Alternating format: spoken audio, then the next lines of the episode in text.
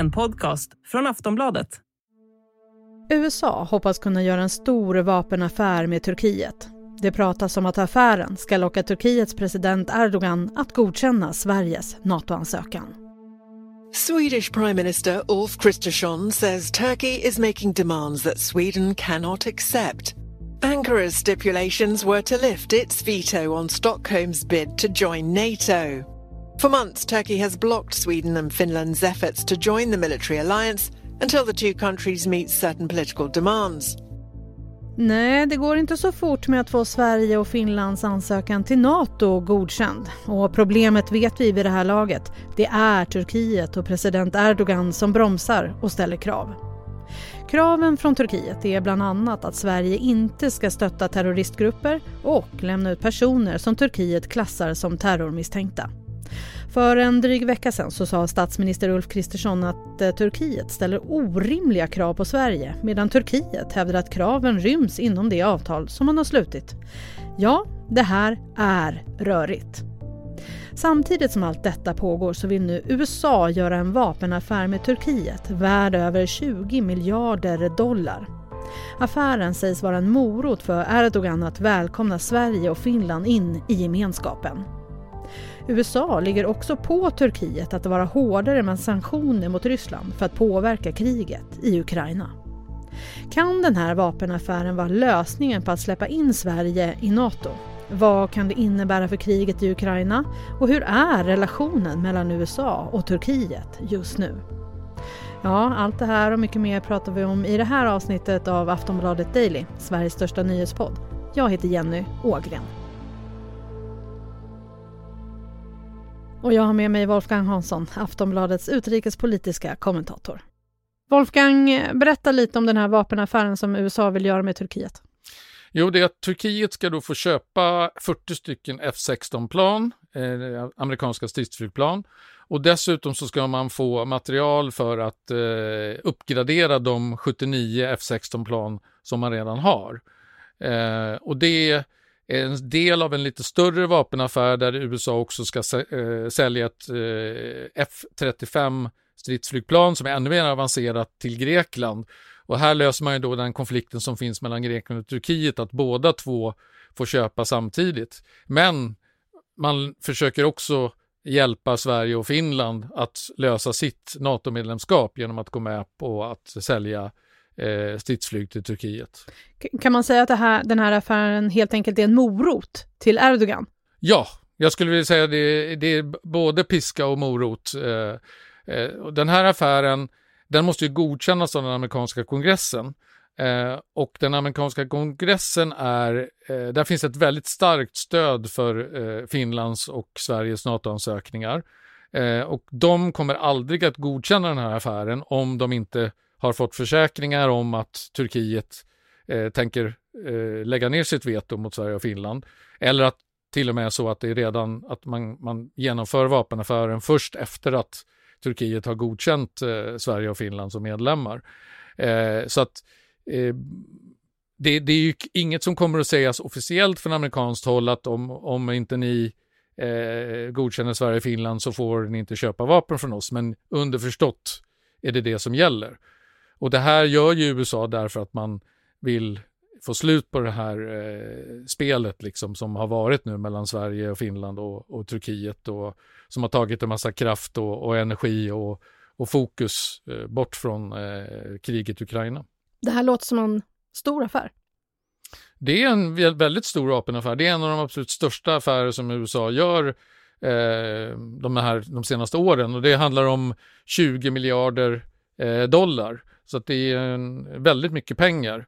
Eh, och det är också vapen som går till en NATO-allierad och normalt sett så är det ju inga problem att sälja vapen mellan eh, USA och, och, Turkiet. Men USA har varit väldigt upprörda över hur Erdogan har eh, dels gått in i Syrien, eh, dels varit upprörd över att eh, USA har använt de här syriska kurderna för att strida mot eh, Islamiska staten, den terrorgruppen som finns i Syrien och Irak. Eh, och allra mest upprörd har USA varit eh, över att Turkiet har köpt ett ryskt luftvärnssystem som heter S-400. Och det gjorde man trots att USA sa till Turkiet att köper ni det så kommer vi att liksom ställa till problem för er. Eh, och det som USA gjorde var att man eh, direkt plockade bort Turkiet från möjligheten att köpa F35 som är det avancerade planet. Och så la man det här med F16 på is. Men nu har man ett behov av att återförbättra relationerna med Turkiet och då passar det väldigt bra om man då kan hjälpa Sverige och Finland att få medlemskap i, i NATO genom att göra den här affären. Är det så att det här är någonting som Erdogan ändå har velat att det ska hända? Absolut. Det är det här som har varit det, det verkliga skälet, skulle jag vilja säga, till att eh, han har motsatt sig eh, Sveriges och Finlands NATO-medlemskap. Vi ska komma ihåg att eh, under vå förra våren då, i våras, när det var diskussioner om att Sverige och Finland skulle ansöka om medlemskap, då sonderade man ju terrängen naturligtvis med alla andra NATO-länder för att höra om hade de något emot det. Och Turkiet hade absolut ingenting emot att Sverige skulle bli medlem. Förrän Erdogan plötsligt kom på att det här kan jag ju utnyttja som utpressning för att få någonting annat. Eh, och naturligtvis så, så, skulle han gärna se också att uh, han fick en, en, en massa kurdiska aktivister i Sverige utvisade till, till Turkiet och han skulle gärna se att Sverige eh, terrorklassade eh, YPG som är den här syrisk-kurdiska gruppen eh, på samma sätt som man har terrorklassat PKK. Men eh, det är egentligen liksom ett sidospår för det viktigaste för Turkiet det är ju att få köpa de här stridsflygplanen för det handlar ju om Turkiets säkerhet och förmåga att försvara sig. Sen är det ju så, USA försöker också få Turkiet att införa sanktioner mot Ryssland, men Erdogan och Putin är vänner. Hur skulle du säga att det här påverkar relationen mellan Turkiet och USA? Det har påverkat relationen väldigt negativt under en längre... Det har varit dåliga relationer, ovanligt dåliga relationer mellan Turkiet och USA under rätt lång tid. Eh, och det beror ju delvis på att Erdogan hela tiden spelar dubbelt. Han vill vara kompis med Putin samtidigt som han vill vara kompis med USA samtidigt som han vill vara den stora sultanen i, i, i Mellanöstern. Eh, så att eh, det, det, är också väldigt märkligt kan man tycka att eh, Turkiet som är ett NATO-land inte har infört några sanktioner mot Ryssland. Alla andra NATO-länder har ju gjort det. Eh, och det har ju på något sätt förväntats av alla att man ska göra det, men på något sätt så har Turkiet lyckats eh, slingra sig undan det här. Och, och, istället så har man nästan agerat lite grann sanktionsbrytare eh, genom att hjälpa Ryssland på olika sätt. Eh, och det här har ju USA accepterat därför att samtidigt så har Erdogan haft den här lite medlarrollen. Eh, han har varit kompis med både Ukraina och med Putin och eh, har så att säga lite grann hjälpt båda två, har, har lite grann straffat båda två och USA ser Erdogan som en viktig länk till Putin. Vill man påverka Putin så är det väldigt bra att gå via Erdogan. Och därför har man inte bråkat så mycket om det här om att eh, Turkiet inte har infört några sanktioner. Men på många sätt är det ju väldigt märkligt. Den här eh, vapenaffären nu då mellan USA och Turkiet, eh, om den går i lås, vad skulle det innebära för Ukraina? Alltså, i, ingenting direkt, annat än möjligtvis indirekt. Om, om USA eh, utan att så att säga officiellt säga någonting om det, eh, säger till Turkiet att eh, ni, ni, måste skicka fler militära drönare till Ukraina, eh, ni måste se, se, till att stoppa eh, smugglingen av eh, högteknologiskt material som eventuellt går från, genom Turkiet till Ryssland. Den typen av indirekta effekter kan det ju bli. För de här planen som Turkiet vill ha, det är ju ingenting som man så att säga använder för att attackera någon, någon annan, utan det är ju i första hand tänkt liksom för att kunna eh, försvara sitt eget territorium. Plus naturligtvis om man nu skulle vilja gå in i Syrien igen och attackera kurder, eh, de kurdiska grupperna där eller in i Turkiet. Då, då är naturligtvis de här planen väldigt eh, effektiva. För de, de kan du ju bomba alla möjliga mål med. Och för Sveriges räkning då, vad skulle det innebära om affären går igenom? Ja, det skulle ju sannolikt innebära att eh, Turkiet då kommer att eh, godkänna Sveriges och Finlands NATO-ansökningar.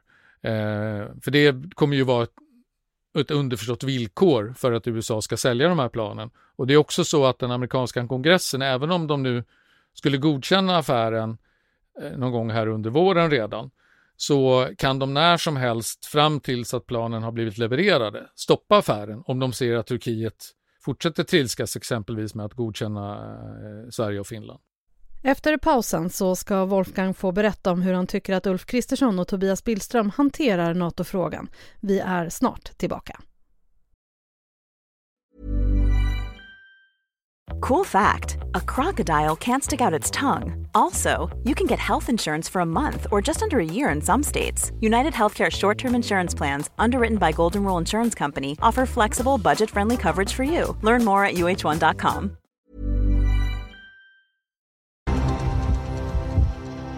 Aktionen att hänga upp en docka som föreställer Erdogan upp och ner vid Stockholms stadshus har rört upp starka känslor i Turkiet. Ja, dockan av Erdogan som hängde upp och ner utanför stadshuset i Stockholm skapade rubriker och Turkiet stoppade talmannen Andreas Norlén från att resa till Ankara. Var det rimliga reaktioner efter aktionen? Vi hör Wolfgang Hansson igen. Alltså det var möjligtvis en rimlig reaktion från Turkiet för att Turkiet tycker illa om att deras ledare blir eh, uthängd eller skandaliserad och framförallt vet vi ju att Erdogan personligen är väldigt känslig för den här typen av påhopp. Det finns ju till och med lagar i Turkiet där man inte får förolämpa presidenten. Eh, däremot så var väl de svenska reaktionerna lite överdrivna.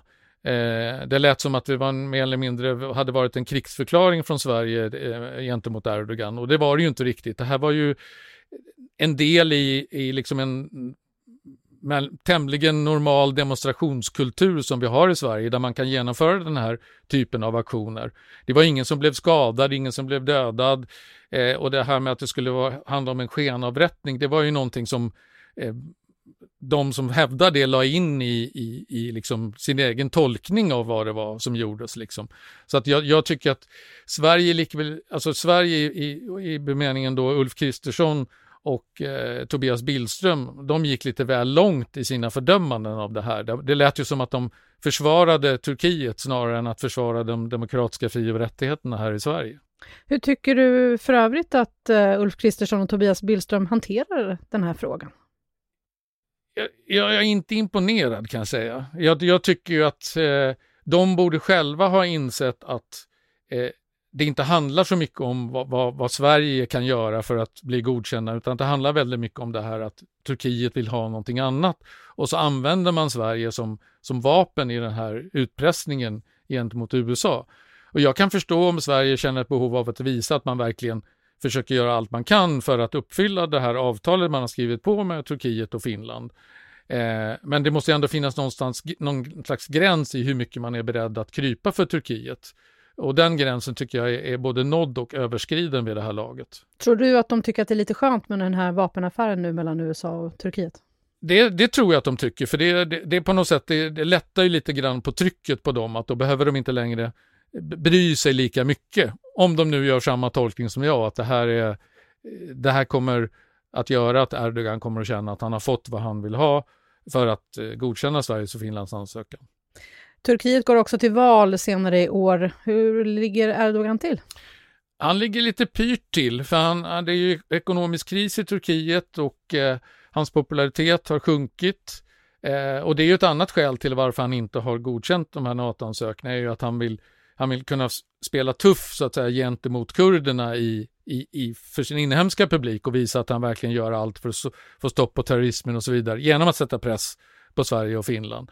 Eh, och det vill han säkert, det vapnet vill han säkert ha kvar också tills valet är överståndet då han i, i sina egna ögon då förhoppningsvis har, har gått segrande ur striden. Om nu affären går i lås, när är Sverige med i NATO?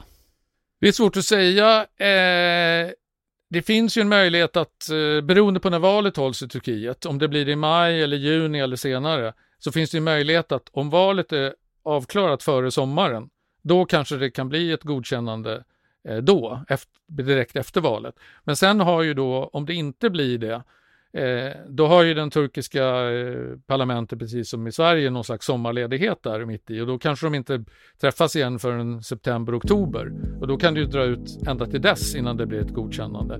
Men man kan ju också tänka sig att Erdogan helt enkelt sammankallar parlamentet om det är så att han känner att nu, nu måste jag göra det här för att den här vapenaffären ska gå igenom då fixar han nog eh, ett godkännande i alla fall. Tack för idag Volkan. Tack.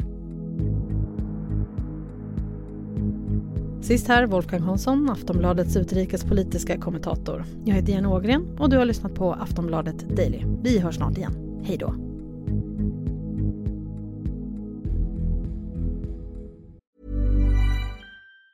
Say hello to a new era of mental health care.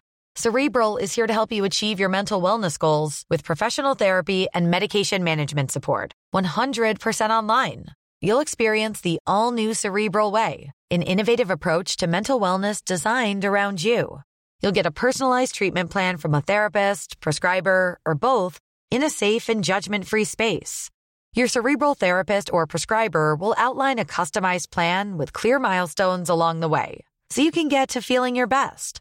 With Cerebral, you're not alone in your mental health journey.